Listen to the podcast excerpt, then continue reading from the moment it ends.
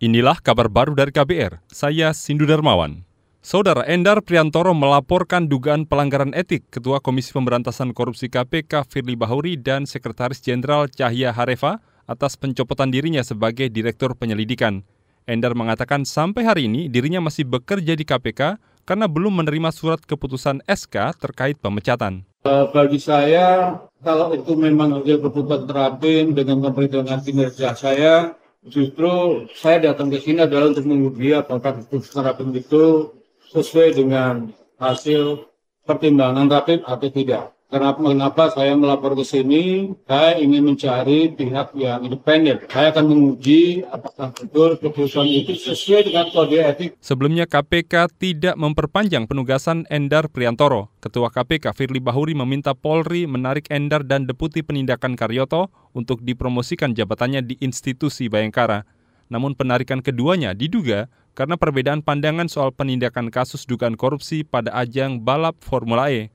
Pengamat transportasi dari Masyarakat Transportasi Indonesia MTI Joko Setiowarno menyarankan masyarakat yang mudik lewat eh, jalur tol menghindari penumpukan di rest area. Selain itu, ia mengusulkan jasa marga mengarahkan pemudik mencari rest area di luar tol untuk mengantisipasi kemacetan. Jangan sampai nanti lelah malah di bahu jalan, pada bahu jalan bukan untuk istirahat. Ya. Itu lebih bahaya lagi. Mhm. -huh. Oleh sebab itu lebih baik keluar ke tol, ya gerbang tol, kemudian itu akan banyak nanti kalau dijawab mudah lah tempat istirahat itu rest area dalam artian teman-teman umum makan dan sebagainya 24 jam ada. Pengamat transportasi Joko Setiowarno menambahkan, idealnya rest area ada di setiap 20 km jalan tol. Menurutnya, saat ini jumlah rest area masih kurang dan luasannya tidak memadai untuk menampung ribuan pemudik saat lebaran. Pemerintah menyebut tidak ada perubahan aturan selama mudik saat masa pandemi COVID-19. Kepala BNPB Suharyanto menjelaskan pelaku perjalanan masih disyaratkan menunjukkan bukti vaksinasi virus corona. Kata dia, aturan soal kewajiban vaksinasi itu tercantum dalam surat edaran tentang protokol kesehatan perjalanan dalam negeri dan luar negeri selama pandemi. Di situ untuk perjalanan luar negeri dan perjalanan dalam negeri kan masih harus menyertakan bukti vaksinasi COVID-19.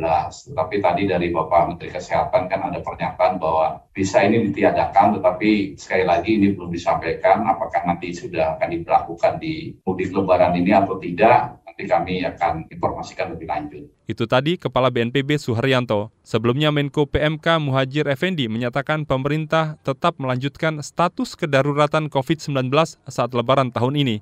Muhajir mengatakan pemerintah masih menunggu perkembangan hingga akhir Mei, terutama keterangan dari Badan Kesehatan Dunia WHO untuk menentukan status pandemi. Demikian kabar baru KBR. Salam.